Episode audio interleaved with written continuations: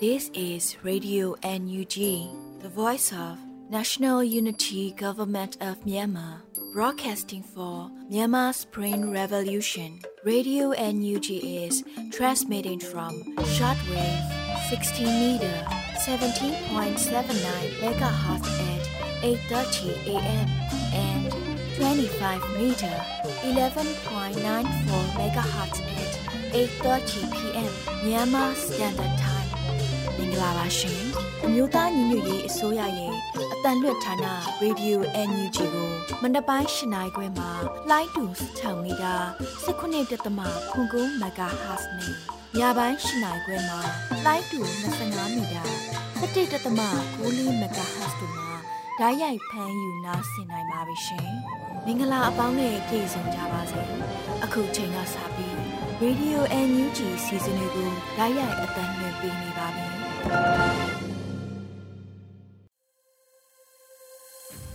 မင်္ဂလာနံနက်ခင်ပါခင်ဗျာတောတာရှင်များအားလုံးကိုရောစိတ်ပါနှီးကောင်းကြမှာကြပါစေ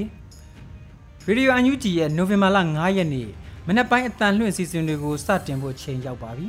ဒီကနေ့ရဲ့ပထမဦးဆုံးစီစဉ်နေနဲ့ပြည်တွင်းသတင်းများကိုစောတဲလူနေကဖတ်ကြားတင်ပြပါတော့မယ်ခင်ဗျာ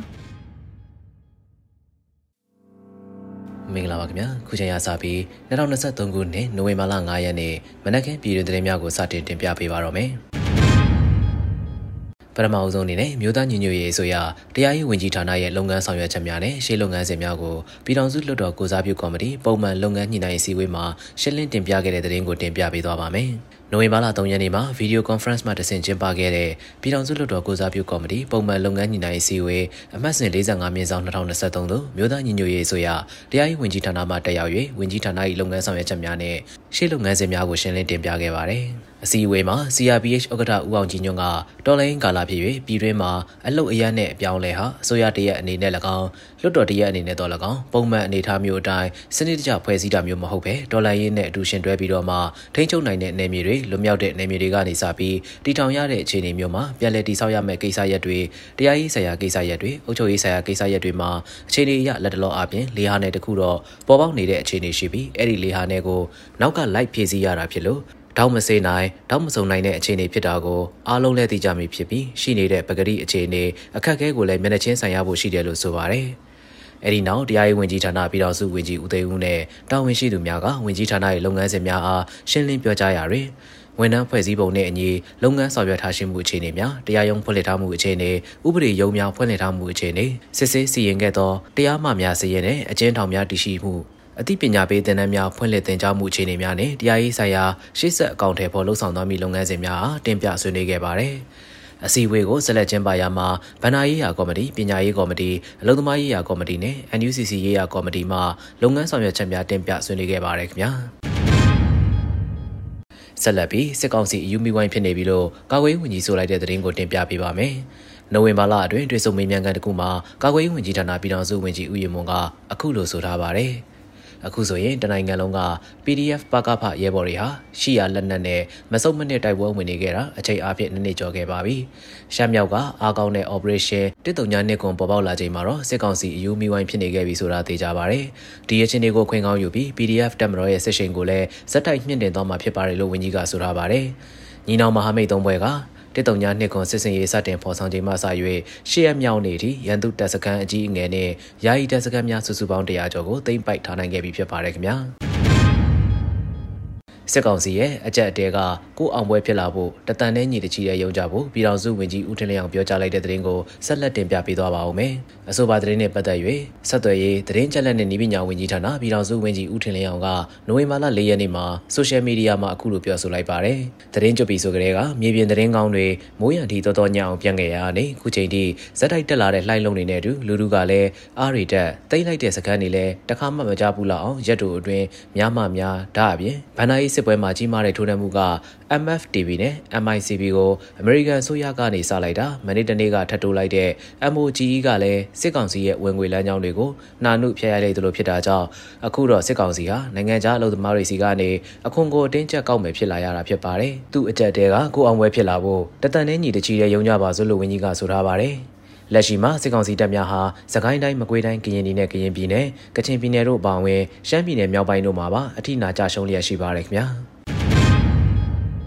ဆက်လက်တင်ပြပေးမှာကတော့ຫນွေဦးတော်လိုင်းရေးအချိန်ဟုံးမြင့်လာပြီးဖြစ်၍ဂျားနေဘက်ပုံကူများဓမ္မဘက်ကိုအချိန်မီလှမ်းတာဖို့ကာကွယ်ရေးဝန်ကြီးဌာနဒုတိယအတွင်းဝင် ပြောဆိုလိုက်တဲ့သတင်းကိုတင်ပြပေးမှာဖြစ်ပါတယ်။နွေဦးဒေါ်လာရေးအချိန်ဟုံမြင့်လာပြီးဖြစ်၍ဂျာနီဘက်ကပုံကူများဓမ္မဘက်ကိုအချိန်မီလှမ်းနာဖို့ကာကွယ်ဝင်ကြီးဌာနဒုတိယအတွင်းဝန်ဦးမမောင်ဆွေကပြောကြားခဲ့ပါတယ်။နွေဦးဒေါ်လာရေးအချိန်ဟုံမြင့်လာပြီးဘယ်သူမှမပါဘူးတော့ဂျာနီပါတို့ပြောနေတဲ့ပုံကူတွေကိုပြောချင်ပါတယ်။ဓမ္မဘက်ကိုလှမ်းမထားဘူးဆိုရင်တော့ပြည်တော်ဝင်ကြီးမှချန်လက်ခံရပါလိမ့်မယ်။ပြည်သူတွေကတန်ခတ်ကြလိုက်မယ်ဒါနောက်ဆုံးခွင့်ရလို့ဆိုထားပါတယ်။ လက်ရှိမှာအော်တိုဘာလ29ရက်နေ့ကစတင်တဲ့ညီနောင်မဟာမိတ်သုံးဘွဲ့ရဲ့တေတုံညာနှစ်ခွန်စစ်စင်ရေးမှာလက်နက်ချအညံ့ခံတဲ့စစ်သားတရားကျော်ရှိလာပြီဖြစ်ပါတယ်ခင်ဗျာ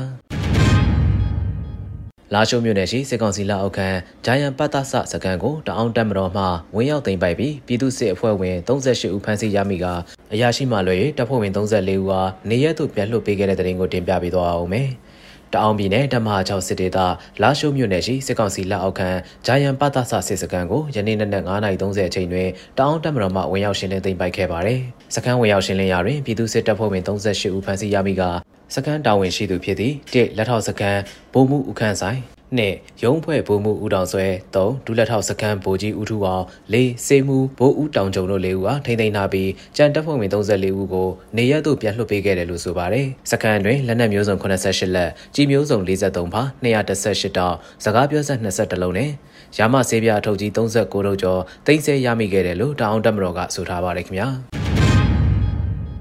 မြန်မာမျိုးသားဒီမိုကရက်တစ်မဟာမိတ်တပ်မတော် MNDAA မှကိုကန့်ခရိုင်ဒိုရှန်ဒေသရှိစစ်ကောင်စီရဲ့တပ်စခန်း၃ခုကိုထပ်မံသိမ်းယူနိုင်ခဲ့ပြီးစုစုပေါင်းတပ်စခန်း106ခုသိမ်းပိုက်ရရှိခဲ့တဲ့တဲ့တင်ကိုဆက်လက်တင်ပြပေးသွားပါမယ်။နိုဝင်ဘာလ၄ရက်နေ့တစ်တုံညနှစ်ကွန်စစ်စင်ရေး operation 9ရက်မြောက်နေ့မှာ MNDAA မှကိုကန့်ဒေသတွင်ခြေချနေသောစစ်ကောင်စီတပ်စခန်းများကိုဆက်လက်ထိုးစစ်ဆင်တိုက်ခိုက်ခဲ့တယ်လို့တင်ရရှိပါရယ်။နိုဝင်ဘာလ၄ရက်နေ့မှာ MNDAA မှစစ်ကြောင်းများကိုပူးပေါင်းပြီးကိုကန့်ခရိုင်တုံရှန်ဒေသ ရှောက်ကန်ထန်ဒေသရှိစစ်ကောင်စီတပ်စခန်း၃ခုကိုတပြိုင်နက်တည်းထိုးစစ်ဆင်တိုက်ခိုက်ခဲ့ပါတယ်။နနက်10:00နာရီတွင်စတင်တိုက်ခိုက်ခဲ့ပြီး10:00နာရီ9မိနစ်တွင်အပြီးပြတ်သိမ်းယူရရှိခဲ့ပါတယ်။ဒါအပြင်နနက်10:30မိနစ်ချိန်တွင် MNDAA သည်ကိုကတ်မြောက်ပိုင်းရှင်းဝမ်ဒေသဟုံကုတ်ရွာကော်တီတန်ပောက်ပောက်တောင်ကုန်းရှိစစ်ကောင်စီတပ်စခန်းကိုလည်းအောင်မြင်စွာတိုက်ခိုက်သိမ်းယူခဲ့ပါတယ်။နိုဝင်ဘာလ၄ရက်နေ့နနက်7:03မိနစ်အချိန်တွင် MNDA နှင့်ရခိုင်တပ်မတော် AA တို့သည်မုံကုတ်မြို့အပြင်ဘက်ရှိစစ်ကောင်စီ၏ရှောက်ကွမ်းလုံအမတ်3စကန်ကိုထိုးစစ်ဆင်တိုက်ခိုက်ခဲ့ရာမှာတိုက်ပွဲတနာရီကြာဖြစ်ပွားခဲ့ပြီး12:15မိနစ်အချိန်တွင်၎င်းစကန်ကိုအောင်မြင်စွာသိမ်းယူခဲ့ပါသည်။လက်ရှိအချိန်ထိ MNDA တပ်ဖွဲ့မှစစ်ကောင်စီတပ်စခန်းအကြီးအသေးယာယီတပ်စခန်းစုစုပေါင်း106ခုကိုအောင်မြင်စွာသိမ်းယူရရှိခဲ့ပြီးဖြစ်ကြောင်းသိရရှိပါရခင်ဗျာ။ ကရင်ပြည်နယ်ကော့ဂရိတ်နယ်ခမာယာ60ခွန်တရင်ဝင်းရှိရှိကာကင်းများလက်နက်ကြီးကုန်းတီရှိရာနဲ့အနီးတစ်ဝိုက်ကိုမောင်းသူမဲ့လေးရင်ငယ်များဖြင့်အကြိမ်ရေ6ကြိမ်ဘုံကျဲတိုက်ခိုက်တဲ့တဲ့ရင်ကိုတင်ပြပေးသွားပါမယ်။အဆိုပါတဲ့ရင်ကိုနိုဝင်ဘာလ4ရက်နေ့မှာ Angry Bird Drone Rangers ကအခုလိုအသိပေးဆိုထားပါတယ်။နိုဝင်ဘာလ3ရက်နေ့နဲ့4ရက်နေ့များမှာကြားပြူတက်ခွဲ9 Justice Soldier PDF နဲ့အတူ K Law Angry Bird Drone Ranger Power of Ababi POA တို့မှာရှာတူဝေါ်နီးပညာဖြင့်ခမာယ60ခွန်တရင်ဝင်းကျင်ရှိကာကင်းများလက်နက်ကြီးကုန်းတရှိရာနှင့်အနီးတစ်ဝိုက်ကိုမောင်းသူမဲ့အလေးငယ်များဖြင့်အကြိမ်ရေ6ကြိမ်ဘုံကျဲတိုက်ခိုက်ခဲ့တယ်လို့ဆိုပါတယ်စစ်ကောင်စီရဲ့အထူးကကြဆုံးကိုတော့စုံစမ်းနေဆဲဖြစ်ပြီးစစ်ကောင်စီဘက်မှလက်နက်ကြီးများဖြင့်ရန်တမ်းပစ်ခတ်ခဲ့တယ်လို့သိရှိရပါတယ်ခင်ဗျာ အခုဆက်လက်ပြီးကံကောမြို့နယ်မင်းရွာရဲစခန်းစခန်းသိမ်းတိုက်ပွဲမှာရန်သူတပ်သား6ဦးသေဆုံးပြီးစစ်တုံးမှန်အဖြစ်17ဦးလက်နက်ချအညံခံ၍လက်နက်ခဲယမ်းများတင်ဆက်ရရှိခဲ့တဲ့တဲ့တင်ကိုတင်ပြပေးသွားပါမယ်။ကံကောမြို့နယ်မင်းရွာရဲစခန်းစခန်းသိမ်းတိုက်ပွဲတွင်ရန်သူတပ်သား6ဦးသေဆုံးပြီးစစ်တုံးမှန်အဖြစ်17ဦးလက်နက်ချအညံခံ၍လက်နက်ခဲယမ်းများတင်ဆက်ရရှိခဲ့တယ်လို့နိုဝင်ဘာလ4ရက်နေ့မှာပြည်သူ့ကာကွယ်တပ်မတော် PDF စေယုံချုပ်ကာကွယ်ဝန်ကြီးဌာနကအသိပေးထုတ်ပြန်ထားပါတယ်။2023ခုနှစ်နိုဝင်ဘာလ3ရက်နေ့မနက်9:50မိနစ်ခန့်မှာ မနက်10:00နာရီခန့်အချိန်ထိမကွေးတိုင်းကံကောခရိုင်ကံကောမြို့နယ်မင်းရွာရဲစခန်းအားပြည်သူ့ကာကွယ်ရေးတပ်မတော် PDF ကံကောခရိုင်အမှတ် 1ခွန်17စနစ်14 19တပ်ရင်းများမြန်မာနိုင်ငံလုံးဆိုင်ရာចောင်းသားများဒီမိုကရက်တစ်တပ်ဦး ABSDF နေမြေကန်ပကဖတို့နယ်ပူးပေါင်းကစခန်းသိမ်းတိုက်ပွဲဆင်နွှဲခဲ့တယ်လို့ဆိုပါတယ်။တိုက်ပွဲတွင်ရန်သူတပ်သား6ဦးသေဆုံးကစစ်တုံးမှန်အဖြစ်17ဦးလက်နက်ချအညံ့ခံခဲ့ပြီး4ဦးမှာစခန်းဆွန့်ခွာထွက်ပြေးသွားခဲ့တယ်လို့သိရှိရပါတယ်။ရန်သူဘက်မှ G3 တနက်17လက် G4 တနက်1လက် MA1 တနက်1လက် MA3 တနက်1လက် MA4 တနက်1လက်40မမ1လက်60မမ1လက်6လုံးပြူတနက်2လက် G3 G 3980တောင်း MA AG 2030တောင်းနဲ့ဆက်ဆက်ပစ္စည်းများတင်ဆက်ရရှိခဲ့ပါတယ်ခင်ဗျာစစ်ကောင်စီတပ်ကပစ်ခတ်တဲ့လက်နက်ကြီးလိုင်းစာမျိုးနဲ့ကလျက်တရုတ်ပြည်နယ်နယ်စပ်မြို့သို့ကြားရောက်ပောက်ကွဲခဲ့ရာတရုတ်နိုင်ငံသားတအူးသေဆုံးခဲ့ပြီးနှစ်ဦးထိခိုက်ဒဏ်ရာရရှိခဲ့တဲ့တဲ့ရင်ကိုဆက်လက်တင်ပြပေးသွားပါအောင်မယ်။နိုဝင်ဘာလ၄ရက်နေ့10နာရီခန့်အချိန်တွင်စစ်ကောင်စီသည် KIO ဌာနချုပ်ရှိရာလိုင်ဇာမြို့အနီးသို့လက်နက်ကြီးဖြင့်ရန်တမ်းပစ်ခတ်ခဲ့ရမှာတရုတ်ပြည်နယ်နယ်စပ်မြို့သို့ကြားရောက်ခဲ့တာလို့ညီနောင်မဟာမိတ်သုံးဖွဲ့တစ်တုံညာနှစ်ကိုစစ်စင်ရေးကထုတ်ပြန်ထားပါတယ်။ နိုဝင်ဘာလ၄ရက်နေ့နနက်10နာရီချိန်ခန့်တွင်လည်းစစ်ကောင်စီသည် KIO ဌာနချုပ်ရှိရာလိုင်ဇာမြို့အနီးသို့လက်နက်ကြီးဖြင့်ရန်တမ်းပစ်ခတ်ခဲ့မှုကြောင့်လိုင်ဇာမြို့နယ်ကလျက်တရုတ်ပြည်နယ်စပ်မြို့သို့လက်နက်ကြီးကြားရောက်ပောက်ကွဲခဲ့ရာတရုတ်နိုင်ငံသားတအုပ်သေဆုံးခဲ့ပြီးနှစ်ဦးထိခိုက်ဒဏ်ရာရရှိခဲ့တယ်လို့ဆိုပါတယ်။ ရန်သူစစ်ကောင်စီဟာတေတုံညာနှစ်ခွန်စစ်စေးရေးအတွင်းစစ်ရေးအရအရေးပါသောတပ်စခန်းများကိုတပြိုင်နက်တည်းဆုံးရှုံးလိုက်ရခြင်းစစ်မျက်နှာစာများတွင်ကြောင်းပိတ်ခံနေရခြင်း၎င်းတို့၏တပ်ဖွဲ့ဝင်များနှင့်လက်အောက်ခံပြည်သူစစ်များအကြဆုံးများလာခြင်းတို့ကြောင့်တိုက်ပွဲဖြစ်နေစဉ်အတွင်းလေကြောင်းပစ်ကူများကိုပုံမှုတိုးမြင့်လှုပ်ဆောင်လာသည့်အပြင်အရသာပြည်သူများကိုဥတီသောလေကြောင်းတိုက်ခိုက်မှုများလက်နက်ကြီးများကိုအကြောင်းမဲ့ရန်တမ်းပစ်ခတ်ခြင်းများပုံမှုပြုလုပ်လာလျက်ရှိနေပါတယ်ခင်ဗျာအခုတင်ပြခဲ့တဲ့သတင်းတွေကိုတော့ Radio NUG သတင်းတောက်မင်းတီရန်ကပေးပို့ထားတာပဲဖြစ်ပါတယ် ကျွန်တော်စောတဲလူနေပါ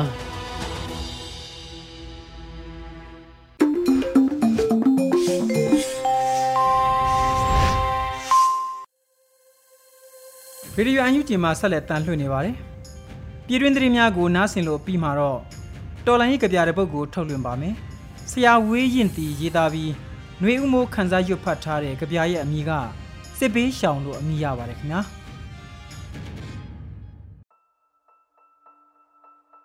စစ်ပေးရှောင်ဒါဟာစိန်ပြေးတယ်မဟုတ်ဘူးအသက်နဲ့ခန္ဓာကိုဖြစ်တယ်လို့ထုတ်ပိုးပြီးအကြောက်တရားနဲ့ယုံကန်ကြည်စံတဲ့ဘုံစံတွေကြားဆွဲမိတဲ့ကောက်ရိုးတမြင်ဟာလေအနာခံဝမ်းရည်ထက်ပြည့်အရေးကပိုခတ်တော့ညောင်တိမစားလဲလေးတန်နားဆွင့်ရတယ်လူဖြစ်မှားတဲ့ခစ်တွေထဲလူဖြစ်ရတဲ့နောင်တနဲ့ ခဏခဏပိတ်သက်ချမိအပြစ်ရှိတာဘာတူလဲခုတော့မဝါရေးစာပစ္စုပန်မှာရှင်တန်ခွင့်ရနေတာကပဲခက်ခဲလှတဲ့ဒုံလပတရားလိုဘာလိုလိုဝေးရင်တည်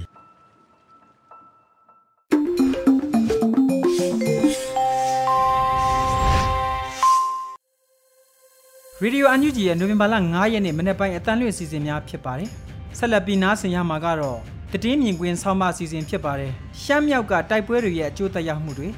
တည်င်းတစ်ပတ်ကြာစစ်ကောင်စီခေါင်းဆောင်ရဲ့တုတ်ပြန်ချက်ဆိုတဲ့ခေါင်းစဉ်ပါမြန်မာနွေဦးခရိုနီကယ်ရဲ့တည်င်းမြင်ကွင်းဆောင်းပါကိုတော့နွေဦးမိုင်ကဖတ်ကြားတင်ပြပါမယ်ခင်ဗျာမြန်မာနွေဦးခရိုနီကယ်နိုဝင်ဘာ3မြင်ကွင်းရှမ်းမြောက်ကတိုက်ပွဲတွေရဲ့အကျိုးသက်ရောက်မှုတွေသတင်းတပတ်အကြာစက်ကောင်စီခေါင်းဆောင်ရဲ့တုံ့ပြန်ချက် ရှမ်းမြောက်မှာဖြစ်ပွားနေတဲ့စစ်စင်ရေး132နှစ်ခွန်အမိပေးထားတဲ့မြောက်ပိုင်းလက်နက်ကင်သုံးဖွဲ့ရဲ့စစ်ရေးတိုက်ခိုက်မှုတွေဟာရဲတပ်တပ်ပတ်လောက်အချိန်အတွင်းစစ်ကောင်စီစခန်းတွေ60ကျော်သိမ်းယူနိုင်ပြီလို့မြောက်ပိုင်းလက်နက်ကင်သုံးဖွဲ့ကပြောဆိုထားပြီးတရုတ်မြန်မာနယ်စပ်ကုံသွဲလမ်းကြောင်းနယ်စပ်ကုံသွဲရေးစခန်းနောင်ချိုကြောင်မဲ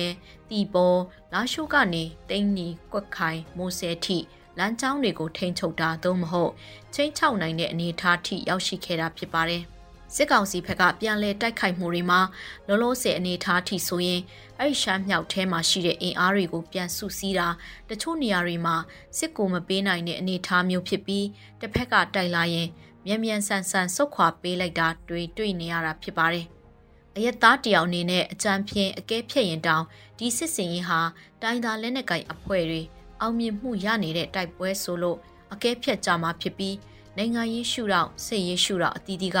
ချင်းကပ်သုံးသက်ရင်အခုလိုမြောက်ပိုင်းလက်နက်ကင်သုံးဖွဲ့ရဲ့စစ်စင်ရဲ့အတိုင်းအတာတစ်ခုထိအောင်မြင်မှုရပြီးနောက်ဒီဒေသမှာရောမြန်မာနိုင်ငံရဲ့အခြားသောဒေသတွေအပေါ်ကိုပါဘာတွေတက်ရောက်မှုရှိလာနိုင်တယ်လဲဆိုတာတိုင်းသားလက်နက်ကင်အဖွဲ့တွေအနေနဲ့သုံးသက်ဆွေးနွေးနေကြမှာမလွဲပါဘူးအခုတစ်တုံညာနှစ်ခွန်စစ်စင်ရင်လှုပ်ဆောင်တဲ့ဒေသနဲ့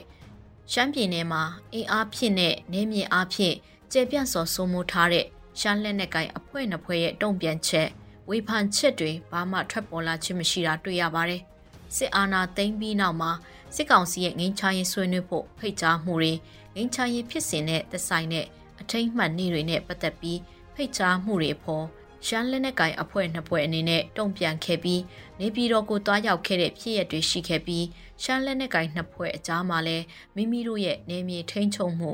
စိုးမိုးမှုအနေထားကိုထိန်းသိမ်းထားဖို့ကိုပုံမအာယုံစိုက်ခဲ့ကြတာတွေ့ရပါတယ်။အခြားသောတိုင်းသားဒေသတွေလိုနွေဦးတော်လှန်ရဲ့ပေါ်လက်တွေ့အားဖြင့်တော်၎င်းစိတ်သက်ရေးရအရာတော်၎င်းပါဝင်ဆောင်ရွက်တာပူပေါင်းဆောင်ရွက်တာလည်းမရှိသလိုနေချားဆောင်တက်လို့ခေါ်ဆိုတဲ့ကရင် BGF လို့ ပေါ်အိုလက်နက်ကင်တက် PLO လို့စစ်ကောင်စီနဲ့ပူပေါင်းကူညီတာမျိုးလည်းမတွေ့ရပါဘူး။ရှမ်းလက်နက်ကင်တက်တွေအနေနဲ့ဆယ်စုနှစ်ချီတဲ့အတွေ့အကြုံရတမိုင်းကြောင်းအရာပြည်မကစစ်တပ်နဲ့တိုက်ခိုက်ခဲ့ကြတဲ့တမိုင်းကြောင်းတွေရှိသလိုရှမ်းတိုင်းသားလက်နက်ကင်ချင်းချင်းကြားမှာလည်းနေမြေစိုးမိုးမှုအရတိုက်ခိုက်မှုတွေရှိခဲ့တာဖြစ်ပါတယ်။အခုမြောက်ပိုင်းသုံးဖွဲ့လို့ခေါ်ဆိုတဲ့ MNDAA AA TNLA ရဲ့တိုက်ခိုက်မှုက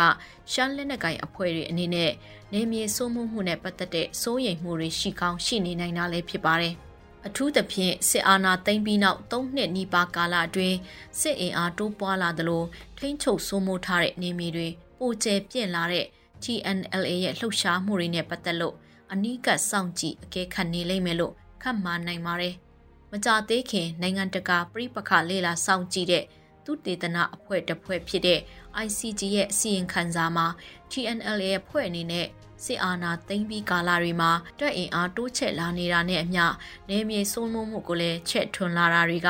အခြားသောတိုင်းသားလူမျိုးတွေနဲ့အကျိုးစီးပွားဆန့်ကျင်မှုတွေရှိလာနိုင်တယ်လို့လည်းဖော်ပြခဲ့တာတွေ့ရပါတယ်။ရှမ်းမြောက်ဒေသမှာလက်ရှိတိုက်ပွဲဖြစ်ပွားနေတဲ့နေမြေဒေသအချို့ဟာရှမ်းတိုင်းသားတွေနေထိုင်ကြတဲ့ကျေးရွာတွေဒေသတွေဖြစ်ပြီးအခုတိုက်ပွဲတွေအပြီး စစ်ကောင်စီတပ်တွေကိုမောင်းထုတ်နိုင်ခဲ့ရင်လက်တွေ့တိုက်ခိုက်တဲ့မြောက်ပိုင်းလက်နက်ကင်အဖွဲ့တစ်ဖွဲ့ဖွဲ့က၎င်းတို့ရဲ့ထိန်းချုပ်နယ်မြေဖြစ်တတ်မှတ်အုပ်ချုပ်မှလာအစရှိတဲ့လက်တွေ့ကြတဲ့ကိစ္စရပ်တွေက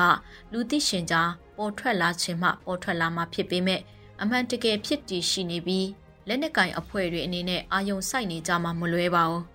ပြည်မကစစ်အာဏာရှင်စနစ်ကြဆုံးရေးဒီမိုကရေစီဖက်ဒရယ်တည်ဆောက်ရေးလို့ရေဘူးရပန်းနိုင်ထားကြတဲ့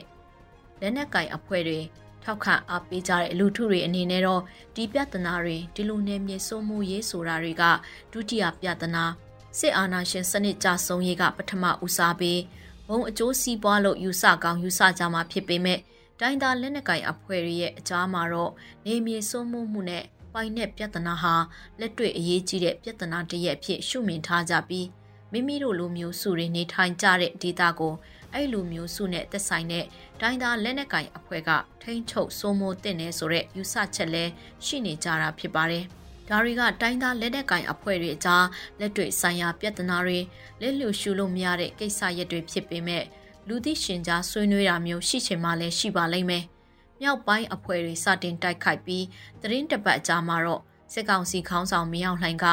မြောက်ပိုင်းမဟာမိတ်လက်နက်ကင်၃ဖွဲ့ရဲ့ တိုက်ခိုက်မှုကိုတံပြန်ချေမုံးမယ်လို့နိုဝင်ဘာ2ရက်နေ့စစ်ကောင်စီဝန်ကြီးတွေနဲ့အစည်းအဝေးမှာပြောဆိုလိုက်တယ်လို့သတင်းတွေမှာပါရှိလာပါတယ်။ဒါဟာတစ်တုံရနှစ်ခွန်စစ်စင်ရေးစတင်ပြီးနောက်မှာစစ်ကောင်စီခေါင်းဆောင်ရဲ့ပထမဆုံးပြောဆိုမှုဖြစ်ပါတယ်။စစ်ခေါင်းဆောင်က၎င်းတို့အနေနဲ့ငိမ်းချမ်းရေးအတွက်ဆွေးနွေးဖို့ပြင်ဆင်နေချိန်မှာဒီလက်နက်ကင်တပ်ဖွဲ့တွေကအခုလိုတိုက်ခိုက်ဖို့ပြင်ဆင်နေခဲ့တာလို့ဆွဆွဲလိုက်ပါတယ်။စစ်ကောင်စီဘက်ကဘယ်လောက်ထိတံပြန်တိုက်ခိုက်နိုင်မလဲဆိုတာတော့တ န်တရားတွေအများကြီးထွက်ပေါ်နေပြီးနိုင်ငံရဲ့နေရာအတော်များများမှာလက်နက်ကင်အင်အားစုတွေနဲ့ရင်ဆိုင်ထိန်းထားရတဲ့အနေအထားအချို့နေရာတွေမှာစစ်ကောင်စီတပ်တွေအနေနဲ့အထိခိုက်ကြဆုံးတွေဘယ်တော့မှမမတူအောင်မြင့်တက်နေတဲ့အချိန်မျိုးမှာတံပြန်ထိုးစစ်ဆင်နိုင်ဖို့ကအခက်ခဲတွေအများကြီးရှိနေမှသိချတဲ့အနေအထားလည်းဖြစ်ပါရဲ့ရှင်။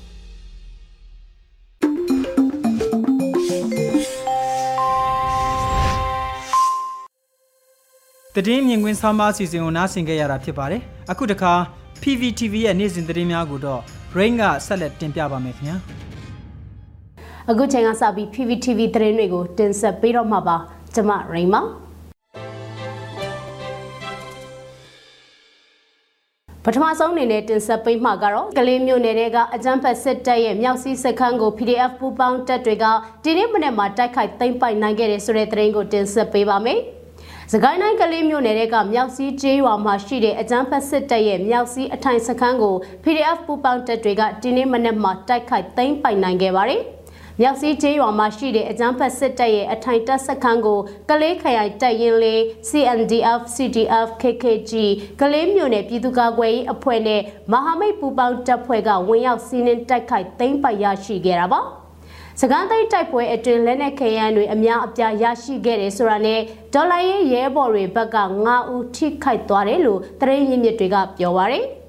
လက်ရှိအချိန်မှာတော့ရန်ကြီးအောင်စခန်းကိုဆက်လက်တိုက်ခိုက်နေစေဖြစ်ပြီးကံကောတောင်ခရမ်းစခန်းကအကြမ်းဖက်စစ်သားတွေထွက်ပြေးသွားတဲ့အတွက်စခန်းကိုသိမ်းပိုက်နိုင်ခဲ့တယ်လို့သိရပါတယ်။ အကြမ်းဖက်စစ်တပ်ရဲ့မြောက်စီးတပ်စခန်းကိုမနေ့ကစတင်တိုက်ခိုက်ခဲ့တာဖြစ်ပြီးတိုက်ပွဲဆင်နွှဲနေချိန်မှာအကြမ်းဖက်စစ်တပ်က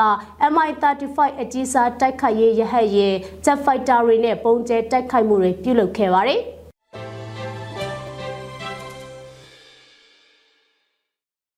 အခုတော့အကြံဖက်စစ်ကောင်စီဟာရှမ်းပြည်မြောက်ပိုင်းတိုက်ပွဲတွေအတွင်းနိုင်ငံသားတွေကိုလူသားတိုင်းအဖြစ်အသုံးပြုနေတဲ့ဆိုတဲ့သတင်းကိုတင်ဆက်ပေးပါမယ်။ အကြမ်းဖက်စစ်ကောင်စီဟာရှမ်းပြည်မြောက်ပိုင်းမှာဖြစ်ပွားနေတဲ့တိုက်ပွဲတွေအတွင်းထိုင်းနိုင်ငံသားတွေအပါအဝင်နိုင်ငံသားတွေကိုစစ်စခန်းတွေမှာလူသားတိုင်းအဖြစ်အသုံးပြုနေတယ်လို့ထိုင်း PBS သတင်းဌာနမှဖော်ပြထားပါတယ်။ အကြမ်းဖက်စစ်ကောင်စီဟာထိုင်း၊နီပေါ၊အီသီယိုးပီးယားစတဲ့နိုင်ငံသားတွေကိုတပ်ဆိုင်ရာနိုင်ငံတွေစီပြန်ပို့ပေးမယ်အစားစစ်ကောင်စီလက်အောက်ခံလူကုန်ကူးမှုတားဆီးနှိမ်နင်းရေးတပ်ဖွဲ့တွေကနေတဆင့်စစ်စခန်းတွေစီပို့ဆောင်ပြီးခိုင်းစေနေတာဖြစ်တယ်လို့သိရပါတယ်။မြန်မာစစ်တပ်ကကတုတ်ချင်းတွေစောက်တာကတုတ်ချင်းတွေတူးတာတစ်သေးတာတွေလှုပ်ခိုင်းတယ်သူတို့ကလူသားတိုင်းတွေပါလို့အမည်မဖော်လူသူတဦးကဆိုပါတယ်။ လက်ရှိမြန်မာနိုင်ငံရှမ်းပြည်နယ်လောက်ကိုင်မြို့နယ်နဲ့အနီးတစ်ဝိုက်မှာလည်းအကြမ်းဖက်စစ်ကောင်စီနဲ့ညီနောင်မဟာမိတ်အဖွဲ့တွေကြားတိုက်ပွဲတွေဆက်တိုက်ဖြစ်ပွားနေပြီးအကြမ်းဖက်စစ်ကောင်စီကတပ်စခန်းတွေကိုဆွန့်လွတ်နေရပါတယ်။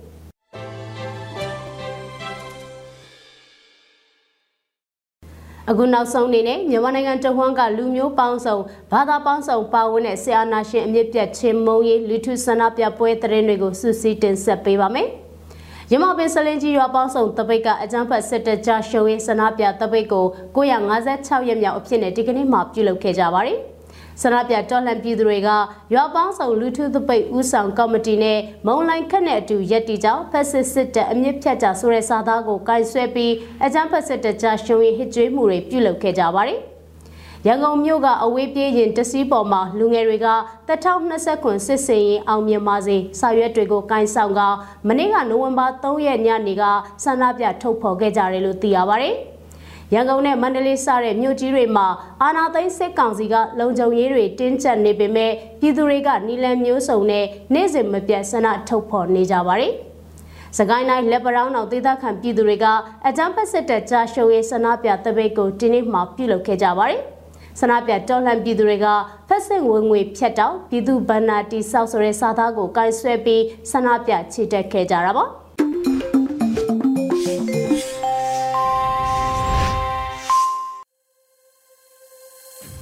တော်တာရှင်များခင်ဗျာဒီကနေ့နိုဝင်ဘာလ9ရက်နေ့ရေဒီယိုအန်ယူဂျီရဲ့နောက်ဆုံးစီစဉ်နေနဲ့တိုင်းသားဘာသာစီစဉ်မှာချိုးချင်းမွန်းဘာသာနဲ့တည်င်းထုတ်လွှင့်မှုစီစဉ်ကိုနားဆင်ရပါတော့မယ်ဒီစီစဉ်ကို ရေဒီယိုအန်ယူဂျီနဲ့ချိုးချင်းဘာသာထုတ်လွှင့်မှုအဖွဲ့တို့ကပူးပေါင်းစီစဉ်တင်ဆက်ထားတာဖြစ်ပါတယ်ခင်ဗျာ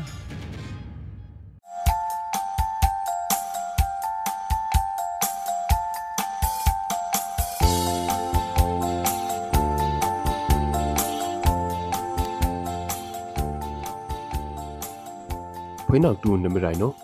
အတူငွယ်ခုကုမ်ဖရမ်ဂူလမ်ဂူလိထုမ်နိုဗမ်ဘောင်ဟန်ဟုမ်ငထူရီအမီငိုင်ဘခါနီ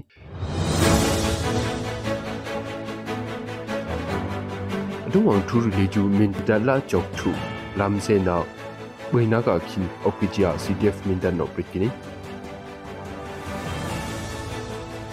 ချင်းလန်ကောင်စီအင်းနာဝိုင်ပါဟီနီနာကောင်ခုနဲ့မင်းရေဘာနာအော်ပီဂျီမော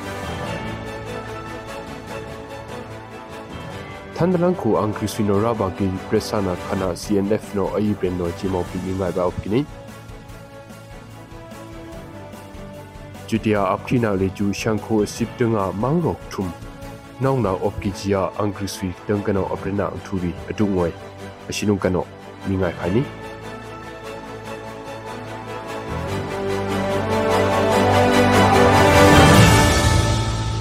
มินตัดมังโรลาจกทูเซนากามโมโดลัมเซนาลัมอคิดวินาอบกิจิยาซีเดฟมินดานอ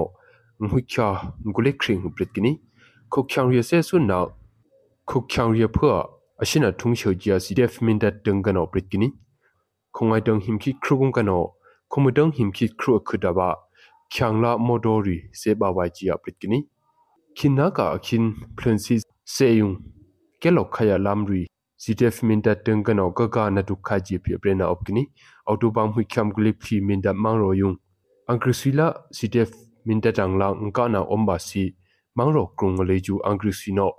mindano nghuikha ngulek khring huprit kini khokhyang ria se sun na khokhyang ria phua ashina thungshau jia cdf mindat dengano oprit kini khongai dong himki khrugung kano khomudong himki khru khudaba khyangla modori se ba wai jia oprit kini khinna ka akhin francis seyung kelok khaya lamri CTF minta tengkan au kaka na tu khaji pi prena opkini auto bang hui kham glip phi minta mangro yung angrisila CTF minta tangla ngka na omba si mangro krung le ju angrisino ngshung le na ri abi na pi opkini chinlen kongsi omro vaya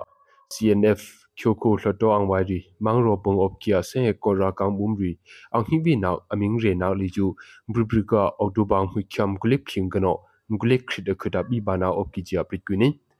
ajurung le chu chinlen kongsi om lo vai phua ruk thenari akthaya mthom lai ne mruk bana op ki ji prit kwini mbribriga aksu be le chu september phu kha ang do tunga khonghup thum biman gurini atu be aksu be ya mi bina kung le chu min tatung ka kalatuk ki om dulang bas chumpi ang hi bina ami bi bana kung le chu min tatung ka au kai tuno chia kam ha phani thandala mangro avandra bana opkijia angri sino presang na ka khan leju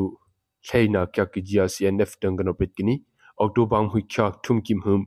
angdo tunga angri sino thandala mangro avandra bagi jia apren lo kya kini ajuna khan leju cnf by slide 10 ni no thandala nung leju se ko rakang bumrila angri si hia bumne opkiji mau dungka na ka ombana khonghum sha hlok lok kiji pi November ang do tenga prena opkini agrisino khan yung ria ka na mian am china phwa thandala nung opkia imdung phya sha da dum du baki adina omdulang bas chumpi achun rileju se he ko rakam umrino ami bi chia angrisi teng kano aprena opkini operation 1027 tunaka shanko asibdang leju mangrok thum nongna opki chia angrisino pitkini bribrika November black kya ang lotunga angrisin thungshena gang vai so min thon no shankho siptang among ryong pa si apren na ku achuna apren ni ani no apren na kung le ju shankho chin shui ho phong sai pan sai mang rok thum kya ki gp ani no brit kini judia mnda tnl la ee ang bup thum le ju nyama khu angrisila ahi khong ka ang bum rion kaming khong ri baya ami bi kya ki gp ani no brit kini October hui kyam kulik shingum miduna Operation 1027 li ju khonghum shalhaw ro ki gene Angrisia omna kogip thawla WMA 301 taigia motor jumpi se ko ra kang bumri dang kano amirana opkini chutia ase he nong ne ndon la tu kya angrisi dang kala pitu sit phya lo ki gp tako kano november black kha unhum aprina kamau ningam tindri ne အတုငွိုင်ထုမီငါလီကျူအရှင်ဘွန်ကခနီ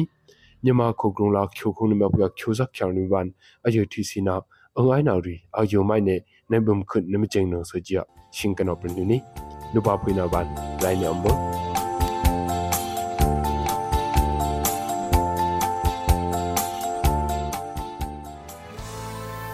တောတာရှင်များခင်ဗျာယခုနားဆင်နေကြတဲ့ရေဒီယိုအန်ယူဂျီရဲ့အစီအစဉ်တွေကိုရေဒီယိုလေးလိုင်းပေါ်မှာတိုက်ရိုက်ဖမ်းယူနားဆင်နိုင်တယ်လို့ website YouTube Telegram Facebook အစရှိတဲ့အခြားသော internet platform မျိုးစုံမှာလည်းမနေ့တစ်ကြိမ်ညတစ်ကြိမ်ပုံမှန်ထုတ်လွှင့်ပေးလျက်ရှိပါတယ်။ YouTube ပရိသတ်များအနေဖြင့် Radio UNG Channel ဖြစ်တဲ့ youtube.com/radiounug မြန်မာကိုဝင်ရောက် subscribe လုပ်ထားပြီးတော်လိုင်းရစ်အတွက်ထောက်ပို့ဝင်ငွေများကို တစ်ဖက်တစ်လမ်းကပါဝင်ကူညီနိုင်တဲ့အကြောင်းအသိပေးတင်ပြအပ်ပါတယ်ခင်ဗျာ။ဒီကနေ့ကတော့ဒီညနေပဲ Radio NUG ရဲ့အစီအစဉ်လေးကိုခေတ္တရ延လိုက်ပါမယ်ရှင်မြန်မာစံတော်ချိန်မနေ့၈နိုင်ခွဲနဲ့ည၈နိုင်ခွဲအချိန်တွေမှာပြောင်းလဲဆိုပြကြပါလို့ရှင် Radio NUG ကိုမနေ့ပိုင်း၈နိုင်ခွဲမှာလိုင်းတူ16မီတာ19.7မဂါဟတ်နဲ့ ညပိုင်း၈နိုင်ခွဲမှာလိုင်းတူ25မီတာ17.6မဂါဟတ်တို့မှာဓာတ်ရိုက်ဖမ်းယူနာဆင်နိုင်ပါပြီရှင်။မြန်မာနိုင်ငံသူနိုင်ငံသားများကိုစိတ်နှဖျားစမ်းမချမ်းသာလို့ဘေးကင်းလုံခြုံကြပါစေလို့ Radio NUG ရဲ့ဖွဲ့သူဖွဲ့သားများကဆုတောင်းလိုက်ရပါတယ်။ San Francisco Bay Area အခြေဆိုင်မြမမိသားစုများနဲ့နိုင်ငံတကာကစေတနာရှင်များ လိုအားပေးများရဲ့ Radio NUG ဖြစ်ပါတယ်ရှင်။အရေးတော်ပုံအောင်ရမည်။